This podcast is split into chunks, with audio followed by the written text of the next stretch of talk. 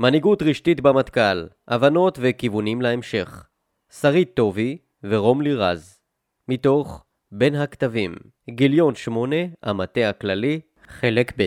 ראיית השלם הארגוני וניהול מערכות פתוחות. מתוך הראיונות עולה כי המענה המרכזי של המפקדים למורכבות הסביבה שבתוכה הם פועלים הוא התבוננות על המערכת כשלם. זאת במובן של הבנת כל החלקים של המערכת, הבנה של ההשפעות ההדדיות בין גופים ויחידות בתוך המערכת ומחוץ למערכת, הבנה של מגוון השיקולים, האילוצים, הצרכים והאינטרסים של גורמים שונים בתוך המערכת ומחוצה לה, כמו גם ההבנה של המתחים והפרדוקסים המובנים שהמגוון הזה מייצר במערכות מורכבות. המפקדים במטכ"ל תופסים חשיבה מעין זו כהכרחית, וכי יש להם אחריות ומחויבות לייצר חשיבה מערכתית רחבה עבור צה"ל כולו. במונחיהם של ליפ, ארנסט וקמפבל הם מתארים דפוס של מנהיגות חוצה גבולות שבה הפיקוד הבכיר של הארגון פועל מעבר לגבולותיו על מנת לייצר כיוון משותף ומחויבות עם אחרים במימוש חזון או מטרה נעלים. כל זרוע מסתכלת על מה שטוב לה. קצין החיל הוא הגורם היחיד שרואה את כל התמונה, תהליך מבצעי שלם, שכדי לממש אותו יש להביא את כולם לדבר באותה שפה. קצין חיל ראשי. אתה חייב להסתכל על הרמה הלאומית, תשתיות, היבטים חברתיים, היבטים כלכליים, רח"ט במטה. איך לנהל את מערכת היחסים עם החברה הישראלית, דילמות מול משרד החינוך, מול משרד הביטחון, מול גופי ביטחון אחרים. יש הבנה שיש עוגת משאבים לאומית לא רק של הצבא. למשל מול משרד החינוך עשינו מהפכה בחינוך הטכנולוגי. בתמורה לשיתוף הפעולה של צה"ל, גביתי מהם שתוכנית הלימודים תותאם לתוכנית הלימודים של צה"ל. רח"ט במטה.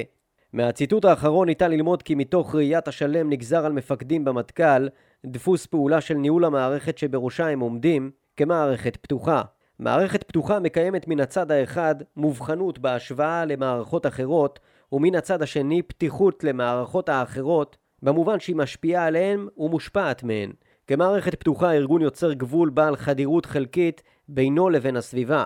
במילים אחרות, במערכות מורכבות נוצרים יחסי גומלין סבוכים, כך שתזוזה או שינוי באחד מרכיביה מייצרת שינויים משמעותיים ביותר בשאר הרכיבים. כך שבסופה נוצרת שלמות חדשה. לכן בניהול מערכות פתוחות המנהיג צריך להבין איזו שלמות מערכתית חדשה עשויה להיווצר כתוצאה משינויים הנראים כבעלי השפעה חיובית מקומית, לבחון את התוצאות הבלתי מכוונות האפשריות ולנהל את הגבול בין המערכת שבראשה הוא עומד לבין מערכות אחרות המושפעות ממנו והמשפיעות עליו. כאמור נראה כי הדובר בציטוט האחרון פועל מתוך הבנה רחבה של ההשלכות של פעולתו על החברה הישראלית ולהפך. במובן זה הוא תופס את צה"ל ואת החברה הישראלית כשתי מערכות פתוחות המנהלות ביניהן יחסי גומלין של השפעה הדדית. מתוך הרעיונות עולה כי מפקדים נוספים מבינים את היחסים ההדוקים ואת הגבולות החדירים בין צה"ל לחברה הישראלית ואף פועלים מתוך הבנה זו. אנחנו סמכות להעלים הכל, אוטובוסים, תחנות דלק, רכבים. אמרתי בוא ניקח את המינימום ההכרחי, בתפקיד כזה אתה צריך להסתכל על היבטים רחבים, אזרחיים למשל. רח"ט במטה. דפוס זה מאפיין את דרג התע"ל שנדרשות ממנו יכולות למידה, פרשנות וניתוח סביבתיות ברמת המדינה.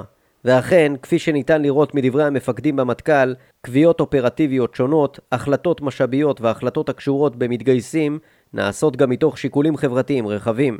לתפיסתם הם אינם יכולים להסתפק בהבנה צבאית בלבד, והם נדרשים להרחיב את הבנתם גם להיבטים הלאומיים המשפיעים והמושפעים מהחלטותיהם. בשונה מהיחסים עם החברה הישראלית, הרי שכמעט לא עלו ברעיונות התייחסויות דומות לגבי ההשפעות ההדדיות בין המערכות בתוך הארגון. כאמור לעיל היחסים בין המערכות השונות המרכיבות את הארגון מומשגות ונתפסות על ידי המפקדים בעיקר כיחסים של אינטרסים. במובן זה מבינים המפקדים במטה כי קיימות השפעות הדדיות, אך אלו בעיקר השפעות מבוססות אינטרסים, ולא קיים ניתוח מעמיק ומורכב יותר של השפעות אלו. קשה להניח כי המפקדים במטה אינם מבינים את המורכבות ואת עוצמת ההשפעה הקיימת בין המערכות שבראשן הם עומדים, לבין מערכות אחרות בתוך המטכ"ל. ההסבר נעוץ במאפייני המטכ"ל וביחסים בין המפקדים כפי שנידונו לעיל. היעדר אוריינטציה ברורה ללמידה משותפת, ביטחון פסיכולוגי נמוך ללקיחת סיכונים, מיעוט שיח ארגוני, פעולה בסביבה רוויית פוליטיקה ואינטרסים המעודדת פעולה מתוך אוריינטציה סקטוריאלית והחוסמת את היכולת לפעול מתוך ראיית צרכים רחבים ומערכתיים. נראה אם כך שלמפקדים במטכ"ל קל יותר לקיים מערכת פתוחה עם גורמים מחוץ לצה"ל, חברתיים ואזרחיים, ולפעול מתוך הבנת האינטרסים, הצרכים, המטרות והשיקולים שלהם. זאת, על אף שהגיונות הפעולה והחשיבה החברתיים והאזרחיים במקרים רבים שונים מאלו של צה"ל ואף סותרים אותם. לעומת זאת, פעולה מתוך הבנת הצרכים של מערכות אחרות בתוך הארגון נתפסת כמאיימת יותר, כזו העשויה להוביל להפסד של משאבים ושל יוקרה, או לוויתור על תפיסות, על צרכים ועל אוטונומיה.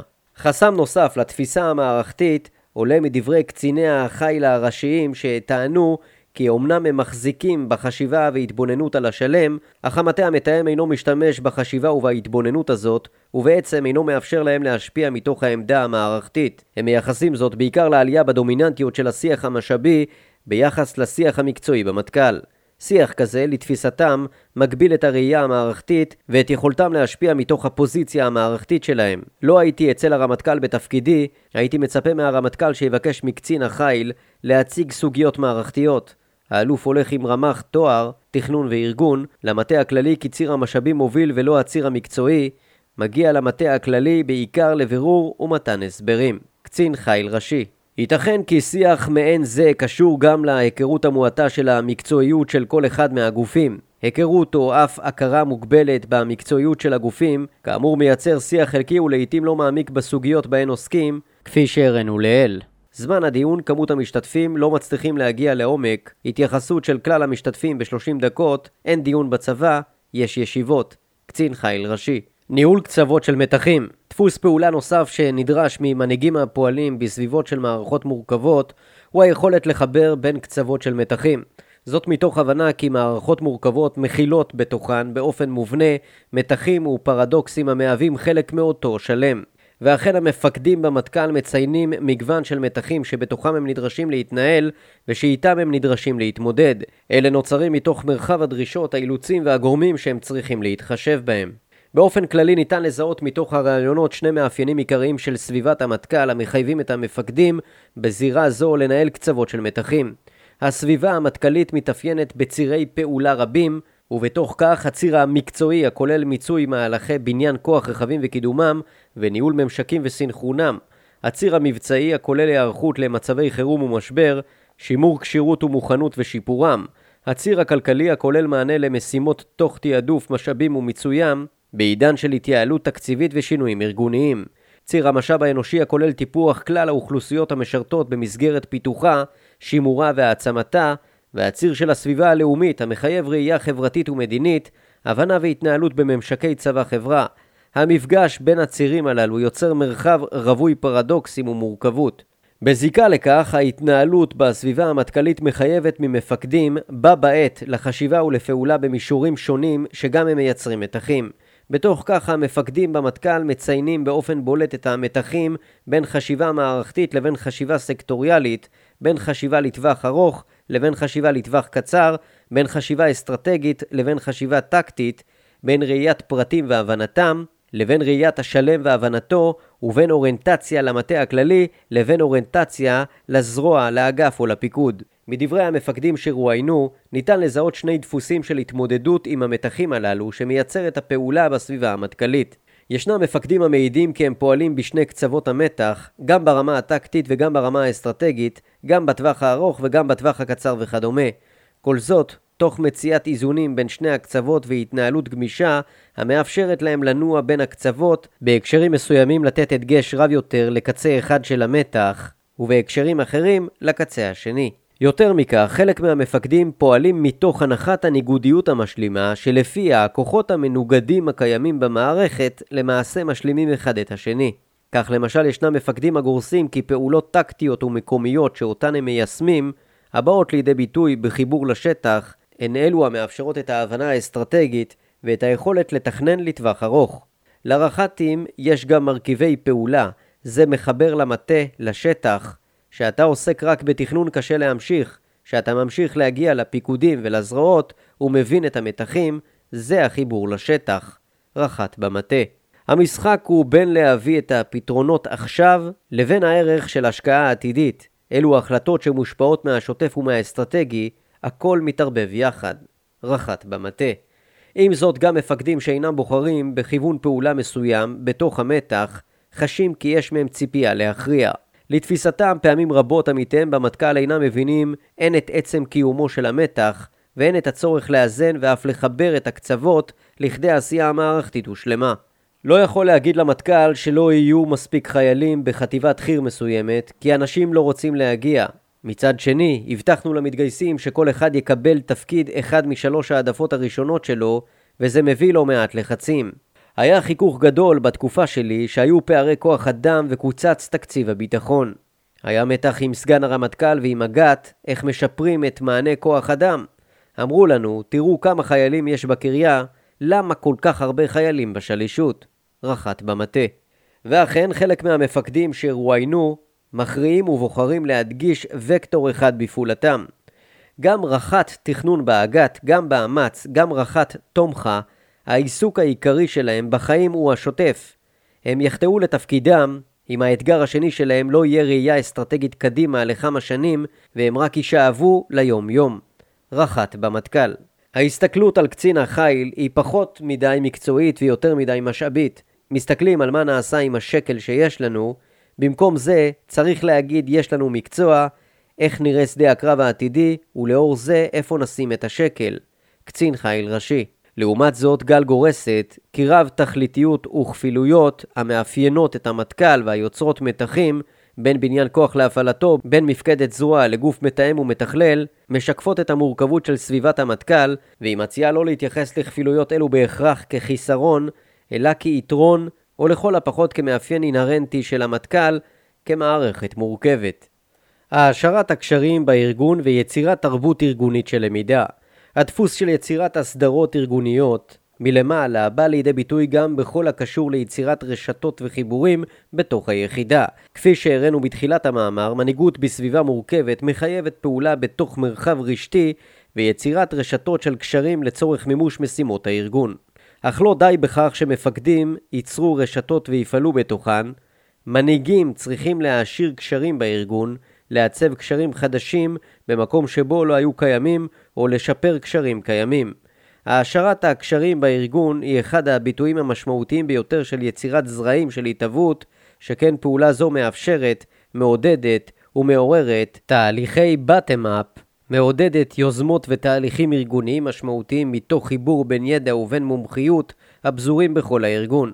במילים אחרות, העשרת הקשרים בארגון מעודדת התהוות והתארגנות עצמית שהן תשתיות חשובות להשפעה רחבה במערכת. מהרעיונות עם המפקדים ניתן לראות כי הם מקדישים זמן ומאמצים ליצירת רשתות בעצמם. לעומת זאת, הם עוסקים פחות ביצירה ובהעשרה של קשרים בקרב פקודיהם. כפי שעולה מהציטוט לעיל ומדברי מפקדים נוספים, החיבורים נעשים בעיקר על ידי המפקד העומד בראש הארגון ובמילותיהם של המרואיינים על שולחנו של המפקד. האתגר הוא לייצר מטה של רח"טים שעובדים ביחד סביב שולחן סגן הרמטכ"ל, רח"ט לשעבר. כל המהנדסים, אנשי השטח, כולם יושבים על השולחן, אלו אוכלוסיות שונות וזה אתגר לא קטן ליצור שותפות. אני עבדתי על זה כי יש ערך מוסף ענק ביכולת לחבר בין האנשים האלה. קצין חיל לשעבר. להבנתי הציפייה ממפקדים בכירים במטה הכללי, בדגש על דרגי העל"מים ומעלה העוסקים בעולמות התוכן השונים, בניין כוח או מבצעי, היא להיות מעורבים ומשפיעים על התוצר הכולל ועל האפקטיביות המצרפית ולא רק לייצג את התחומים שבאחריותם הישירה. מאחר וציפייה זו כמעט ואינה מתממשת, לרמטכ"ל יש מעט מאוד קצינים בעלי יכולת הסתכלות אובייקטיבית המהווים עבורו בורד אמיתי, רח"ט במטה. נראה אם כך כי המפקדים מבינים את החשיבות של יצירת קשרים ואת התרומה של החיבורים למימוש המשימה, לתהליכים הארגוניים ולמקצועיות של הארגון. ואכן, כפי שהראינו, גישות חדשות של מנהיגות מדגישות כי התפקיד המרכזי של המנהיג בסביבות מורכבות הוא ליצור את החיבורים. אולם, העשרת הקשרים והחיבורים בתוך היחידה ובין יחידות מחייב יצירת מנגנונים ותהליכים נוספים מלבד ישיבה משותפת על שולחנו של המפקד. מפקדים בכירים אמונים על יצירת תרבות ארגונית המספקת את ההקשר שבתוכו הם ואנשיהם פועלים. כחלק מיצירת תרבות ארגונית, הם נדרשים לייצר תנאים המאפשרים יצירת רשתות של קשרים ועבודה משותפת מתוך יוזמות מקומיות של אנשים שונים בתוך היחידה, ולא רק של המפקד. אם נחזור להבנות שבתחילת המאמר, הרי שעל מנת להצליח לפעול בסביבה מורכבת, המפקד הבודד אינו יכול להיות המחולל היחיד של התהליכים, של היוזמות ושל דפוסי העבודה.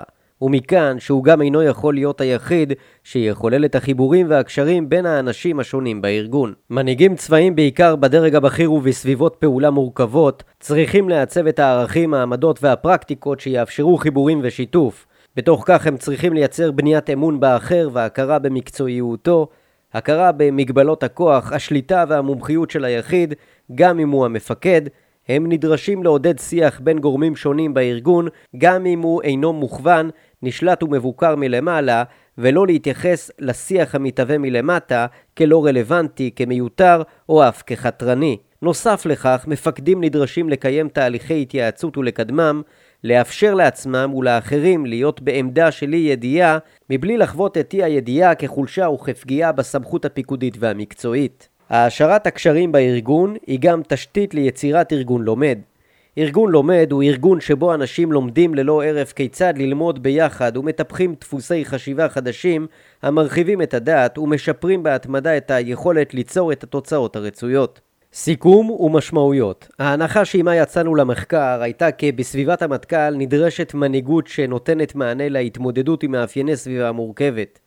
כלומר נדרשים דפוסי מנהיגות ופרקטיקות של מנהיגות הן ברמת הפרט והן ברמת המערכת המאפשרים להתמודד עם ריבוי ומגוון של שחקנים, של אינטרסים, של שיקולים ושל צרכים עם רשתות של אינטראקציה המייצרות דפוסים מורכבים של אילוצים קונפליקטואליים של מתחים ושל יחסים הדדיים עם סביבה דינמית המשתנה באופן תדיר ומהיר עם עולם ארגוני שאינו ליניארי ושמתאפיין בחוסר יציבות ואי ודאות עם תהליכים של התארגנות עצמית וספונטנית הנוצרים מתוך הדינמיות של קשרי הגומלין במערכות מורכבות. כפי שעלה מהרעיונות עם מפקדים במטכ"ל, רח"טים וקציני חיל ראשיים, המפקדים עצמם מזהים את המערכת שבתוכה הם פועלים כמערכת מורכבת על כל מאפייניה. בהתאם לכך, הם מיישמים מרכיבים שונים של המנהיגות הנדרשת בסביבה מורכבת. הפרקטיקה הבולטת שהם מסמנים היא יצירת רשתות של קשרים המהווה למעשה תווך מרכזי לפעולתם. פרקטיקות נוספות שאותן סימנו המפקדים היו פעולה מתוך הבנה מערכתית וראיית השלם, פעולה מתוך הבנה של ההשפעות ההדדיות בין המערכות השונות כמערכות פתוחות ובעלות גבולות חדירים והבנה של המתחים הנוצרים בסביבה המורכבת והסבוכה שבתוכה הם פועלים. עם זאת, ישנם מרכיבים נוספים של מנהיגות בסביבה מורכבת שלא סומנו על ידי המפקדים שרואיינו, ונראה כי הם אינם חלק מרפרטואר המנהיגות שלהם. מכאן ניתן לגזור מספר השלכות לתהליכי פיתוח המנהיגות של מפקדים בכירים במטכ"ל. ברמה המבנית, מענה מרכזי שנדרש הוא קיום הכשרות לכניסה לתפקיד במטכ"ל בדרגים השונים, במיוחד עבור קצינים המגיעים מהשטח, שזהו תפקידם הראשון במטה הכללי. ההכשרות הקיימות כיום הן לרוב לדרג סא"ל ועל"ם ולא לטווח פעולה. הכשרות אלו צריכות לכלול מספר מרכיבים כפי שעולה מההבנות ביחס לסביבה המטכ"לית שהצגנו במאמר זה. תהליכי פיתוח המנהיגות צריכים להתמקד בפיתוח מנהיגות רשתית. ההערכה היא כי מפקדים במטכ"ל עברו לאורך השנים תהליכי פיתוח מנהיגות שהתמקדו בפיתוח יכולות, מיומנויות וכישורים מנהיגותיים אישיים פיתוח מנהיגות קלאסית, לכן בהגיעם למטכ"ל יש לשים על כך פחות הדגש ולהתמקד בפיתוח יכולת של מפקדים לעבוד עם אחרים, ביכולת שלהם להכיר בחולשותיהם ולבנות צוותים עם אנשים בעלי יכולות משלימות, וביכולת ללמוד להפיק תועלת מהשוני ומההבדלים בין אנשים בארגון. אמנם הראינו כי יצירת רשתות של קשרים הינה פרקטיקה מרכזית שהמפקדים במטכ"ל מיישמים, אך השימוש העיקרי הנעשה ברשת הוא רתימת שותפי תפקיד, מפקדים, עמיתים ופקודים, להחלטות של המפקד ולדרך שאותה הוא סימן.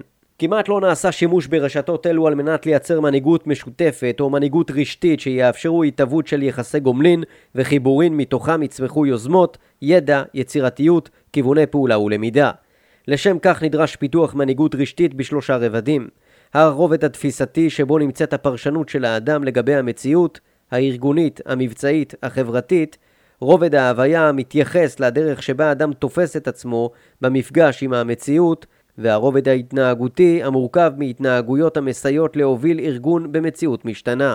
כפי שניתן לראות מדברי המפקדים, ברובד התפיסתי הם אכן מבינים את מאפייני המערכת המורכבת שבתוכה הם פועלים ויודעים למפות ולזהות את כל צירי ומישורי הפעולה במטכ"ל ואת האילוצים, המתחים והפרדוקסים שהם יוצרים. ברובד ההוויה חשוב לפתח ולחזק מרכיבים המייצרים יציבות ותחושת מסוגלות כגון אי ידיעה, אמון, אחריות מורחבת ויכולת השפעה מתוך עמדה של משתתף ולא בהכרח מוביל. כך למשל כדי להתמודד עם אי ידיעה, ישנה חשיבות רבה לפיתוח יכולות ריקות, היכולות לחיות בספקות ואי ידיעה מבלי להיכנע לדחף המיידי למלא אותן בפעולות וידיעות. זאת כמובן לצד פיתוח יכולות מלאות, שהן מכלול הידע, הניסיון, המיומנויות שיש לממלא תפקיד מנהיגותי. נוסף לכך, על מנת לפתח אחריות מורחבת הנגזרת מהתרחבות מרחב ההשפעה של מפקדים המטכ"ל, נדרש פיתוח מרחב התעניינות הרבה מעבר למרחב ההשפעה המיידי או הפוטנציאלי. זאת למשל על ידי חקירת דפוסי הפעולה של צבאות זרים והסתייעות בניסיון של ארגונים אחרים. בהקשר הייחודי של סביבת המטכ"ל נדרש גם פיתוח של עמדה חיובית ביחס למפגש הנוצר בתווך המטכ"לי בין גופים מתוך הכרה ברווח הנובע ממנו לצד הכרה בקשיים שהוא טומן בחובו. נוסף לכך, תהליכי הפיתוח צריכים לכלול פיתוח תפיסה של מאפייני המטכ"ל כנכס ארגוני, על אף הקשיים המובנים בתוכו, יש לעסוק ביתרונות של חיבורים הנעשים לא רק מתוך אינטרס ולא רק מתוך עמדה של כוח, או לחילופין מעמדת נחיתות. כלומר, יש לפתח בקרב מפקדים את היכולת לנצל ולמצות את מאפייני הסביבה המטכ"לית ובעיקר את פוטנציאל המפגש והחיבורים הקיים בסביבה זו עבור ללמידה, פיתוח ידע חדש ויצירת פתרונות. ברובד ההתנהגותי נדרש לתת כלים רלוונטיים ומשמעותיים שיאפשרו יצירת רשתות כגון שיתוף ושותפות, אפשור אי סדר, חוסן אישי וארגוני ויצירתיות. כל אלו מחייבים התמודדות עם שאלות ודילמות שיש מקום להציפן ולהתמודד איתן בתהליכי פיתוח המנהיגות, בתוך כך סמכות מול אנשים שאינם שלי, שיתוף פעולה כאשר התועלת עבורי אינה בהירה, יכולת השפעה מתוך עמדה של משתתף, שאלות של מחויבות, פעולה תחת אינטרסים סותרים וכיוצא באלה. מנהיגות רשתית היא גם תשתית משמעותית לפיתוח מנהיגות הסתגלותית, הנדרשת גם היא בהובלה של מערכות מורכבות. זאת כיוון שבסביבה מורכבת, הובלת שינויים משמעותיים שיאפשרו לארגונים ולצבאות להשתנות לנוכח מציאות משתנה ולשמר רלוונטיות, יכולה להיעשות על ידי פעולה של אנשים רבים. אין די בסמכות או בכריזמה אישית כדי להביא לשינוי מהותי. בהמשך לפיתוח מנהיגות רשתית, תהליכי פיתוח המנהיגות צריכים לכלול פיתוח תפיסת תפקיד הכוללת גם אחריות לעיצוב תרבות ארגונית ביחידותיהם ובסביבת המטכ"ל, שתאפשר תהליכי למידה ויצירת חיבורים שלהם עצמם, של פקודיהם ושל עמיתיהם. יש לתת בידי המפקדים כלים לעצב את ההקשר שבתוכו הם ואנשיהם פועלים, ובתוך כך את העמדות, את הערכים, את המטרות ואת הפרקטיקות המעצבים את הארגון לאורך זמן. לשם כך, המנהיגות בסביבה המטכ"לית צריכה להיות מבוססת על ביטחון של המפקדים בעצמם, וביכולת ובמחויבות של אנשיהם ללמידה מתמשכת, היעדר חשש מביצוע טעויות, בניית אמון באחר והכרה במקצועיותו, קיום תהליכי התייעצות מבלי לחוות אי ידיעה כחולשה, סיוע לאנשיהם לראות ולהבין בעצמם את יחידותיהם מתוך ראייה מערכתית ולבחון באופן תמידי ומשותף את הנחות היסוד הארגוניות. במובן הזה אנו מרחיבים את הטענה שהעלינו עד כה שלפי המפקדים בסביבת המטכ"ל נדרשים ליישם ראייה מערכתית ולהוביל מתוכה.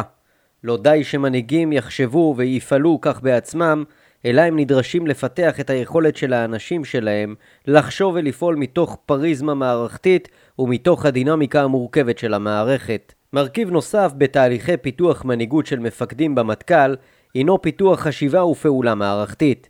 ככלל, יש חשיבות רבה לכך שמפקדים במטכ"ל ינהיגו את המערכת שעליה הם אמונים מתוך תפיסה מערכתית. כך הם יצליחו להובילה לעבר משימותיה באופן גמיש ומותאם כמערכת שלמה ואפקטיבית יותר, ומתוך הבנה רחבה וארוכת טווח של ההשלכות והנגזרות של מעשה המנהיגות. השימוש במשקפיים המערכתיים מאפשר למפקדים לנתח כל אירוע ארגוני על רבדיו ומורכבותו. מתוך כך נגזר צורך בפיתוח כלי חשיבה מערכתית ופעולה מערכתית כחלק מתהליכי פיתוח המנהיגות. ראשית, יש לפתח בקרב המפקדים יכולת לשלב בין שני דפוסי חשיבה, חשיבה ליניארית, חשיבה אנליטית ומפרקת, וחשיבה שהיא תהליכית ועל-ליניארית, ושהיא מושתתת על עיקרון של דינמיקה ותנועה. חשיבה תהליכתית היא חשיבה מופשטת הנשענת על יכולת לזהות קשרי גומלין בין תהליכים ובין תתי מערכות ויכולת לזהות התפתחויות צפויות מעבר לאירועים ולהתרחשויות נקודתיות הקשורים בקשר לוגי. חשיבה מעין זו מאפשרת למשל זיהוי נכון של נקודות ההשפעה האופטימליות מתוך התבוננות רב-ממדית המכילה את המורכבות המערכתית. נוסף לכך, תהליכי הפיתוח צריכים לכלול יכולת הכלה והתמודדות עם מציאות המכילה בתוכה כוחות מנוגדים המתחרים אחד בשני, אך בה בעת משלימים האחד את השני. זאת בראש ובראשונה על ידי פיתוח תפיסה והלך מחשבה בקרב מפקדים של ניהול מתחים ויצירת חיבורים בין הקצוות של המתחים ולא רק פיצולים והבחנות ברורות בין מרכיבים שונים בפעולה המנהיגותית. כך למשל מתוך הראיונות ניתן ללמוד כי מפקדים בסביבה המטכ"לית נדרשים לייצר חיבורים בין חשיבה ופעולה לטווח ארוך לבין חשיבה ופעולה לטווח קצר, בין סקטוריאליות לבין מערכתיות ובין אסטרטגיה לבין טקטיקה, וכן בין צירים שונים המרכיבים את הסביבה המטכ"לית שהמפגש ביניהם מייצר מתחים המובנים בעשייתם של המפקדים, הציר המקצועי, הציר המבצעי, הציר המשאבי והציר החברתי-לאומי. פיתוח חשיבה מערכתית כולל גם פיתוח הבנה לגבי חשיבות היחסים במערכת. מתוך הראיונות עם המפקדים נראה כי הם מבינים היטב את חשיבות היחסים והשפעתם על דפוסי העבודה והפעולה במטכ"ל.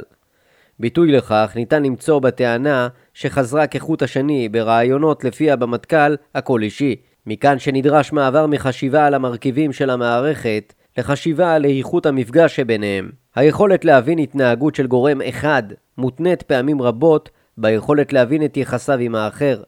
בהתאם לכך, יש לפתח את המנהיגות של מפקדים בסביבות מורכבות בכלל, ובמטכ"ל בפרט, באופן שיאפשר להם להתמקד בעיקר בהשפעה על איכות האינטראקציה שבין חלקי הארגון שלהם ובניהול הממשק ביניהם. פיתוח הבנה של היחסים בתוך סביבת המטכ"ל מחייבת גם פיתוח הבנה עמוקה ביחס לפוליטיקה ארגונית והתנהלות בתוכה ולאורה.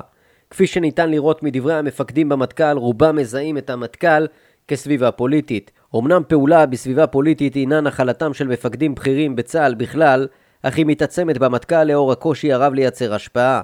החפיפה הקיימת לעיתים בין תחומי האחריות של גופים שונים במטכ"ל מעצימה את שאלת הרלוונטיות של כל אחד מהגופים ומאתגרת את מרחב ההשפעה שלהם על תהליכים, על תוצרים ועל קבלת החלטות. נוסף לכך, האוטונומיה והכוח שיש לאגפים, לזרועות ולפיקודים מקשים גם הם על יכולת ההשפעה ועל יצירת עוצמה ארגונית. כל אלו מעצימים את יחסי הכוח במטכ"ל ולמעשה את הפוליטיקה הארגונית, ואכן, אפיון המטכ"ל כסביבה רוויית פוליטיקה עלה כתמה חוזרת בדברי המפקדים בהקשרים שונים.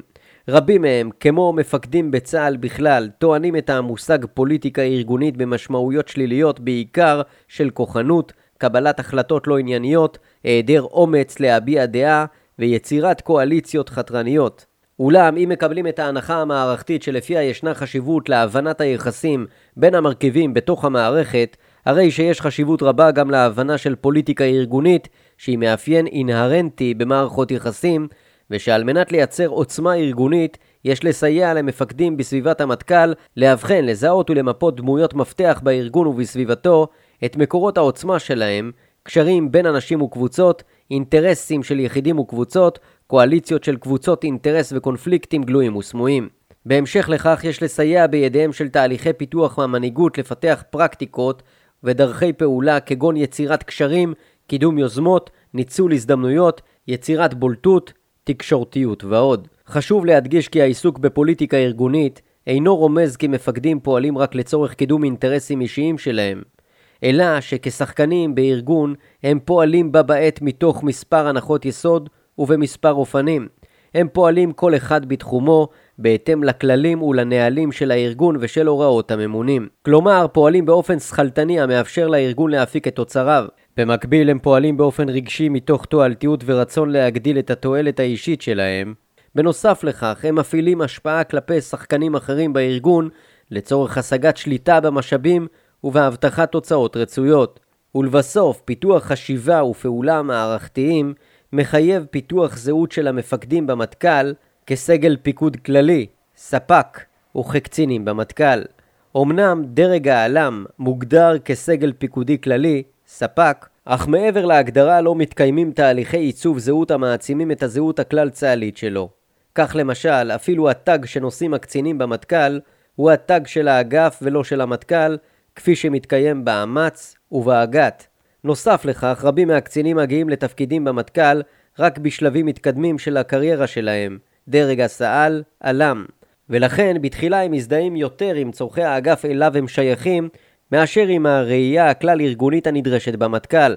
בזיקה לכך מוצע כי התהליכים שנועדו לעצב תפיסה מערכתית, בתוך כך לעצב זהות מטכ"לית וכלל צה"לית. כדוגמת השתלמות הכניסה לדרג העלם, התקיימו במשותף בקרב כל קציני הבכירים. נוסף לכך, מומלץ לקיים הכשרות בנושאים ספציפיים ופורומים משותפים שיאפשרו ראייה מטכ"לית רחבת היקף לממלאי תפקידים מרכזיים במטכ"ל. דוגמה טובה לכך הינה הכשרת הרמ"טים אשר התקיימה לפני מספר שנים ופורום קציני החיל אשר התנהל בראשות ראש אכ"א. לסיכום, במאמר זה הראינו כי בסביבה המטכ"לית נדרשת מנהיגות המבוססת על רעיונות ועקרונות מתוך הפרדיגמה המערכתית, מנהיגות הפועלת בתווך ומייצרת אותו, כל זאת מתוך מודעות והבנה שידע שנוצר במערכת מורכבת אינו רק זה המתפתח בתוך גופים שונים, כי אם גם זה המתפתח בתווך שביניהם, תחום הבין. מכאן נגזרים ידע, מיומנויות וכישורים מנהיגותיים שעליהם עמדנו לאורך המאמר, יצירת חיבורים בין קצוות של מתחים, יצירת חיבורים בין אנשים וגופים בארגון, גמישות של מחשבה ושל פעולה, הבנת היחסים הקיימים בתוך המערכת, קידום למידה אישית ומשותפת ועוד. אך לא פחות חשוב מכך, נדרש יישום מודל של מנהיגות משותפת, של מנהיגות שנוצרת ומתהווה מתוך קשרי הגומלין בין המפקדים במטכ"ל. כך שמתוך קשרים אלו ומתוך מערכות היחסים בין המפקדים במטכ"ל, ייווצרו תוצרים מנהיגותיים של ידע חדש ומשותף, יוזמות, פתרונות, תהליכים ארגוניים, אחריות מורחבת וחדשנות. מנהיגות מעין זו מתרכזת במשימות עדינות וחשובות יותר, מאשר אלו המיוחסות למנהיג הבודד בגישות המסורתיות. בעוד שהגישות המסורתיות על מנהיגות גורסות כי מנהיגים מכתיבים כיוון, מקבלים את ההחלטות העיקריות ומפיחים רוח בגייסות, הרי שהמנהיגים והמנהיגות במטכ"ל אינם יכולים להסתפק בהובלה של אנשים. הם צריכים להיות מבוססים על יצירת זרעים של התהוות, על רתימת ידע של יחידים ושל גופים לטובת משימה משותפת, ועל יצירה של ארגון לומד. על כן, זו אינה סופה של מנהיגות, כי אם דרך חדשה למנהיגות.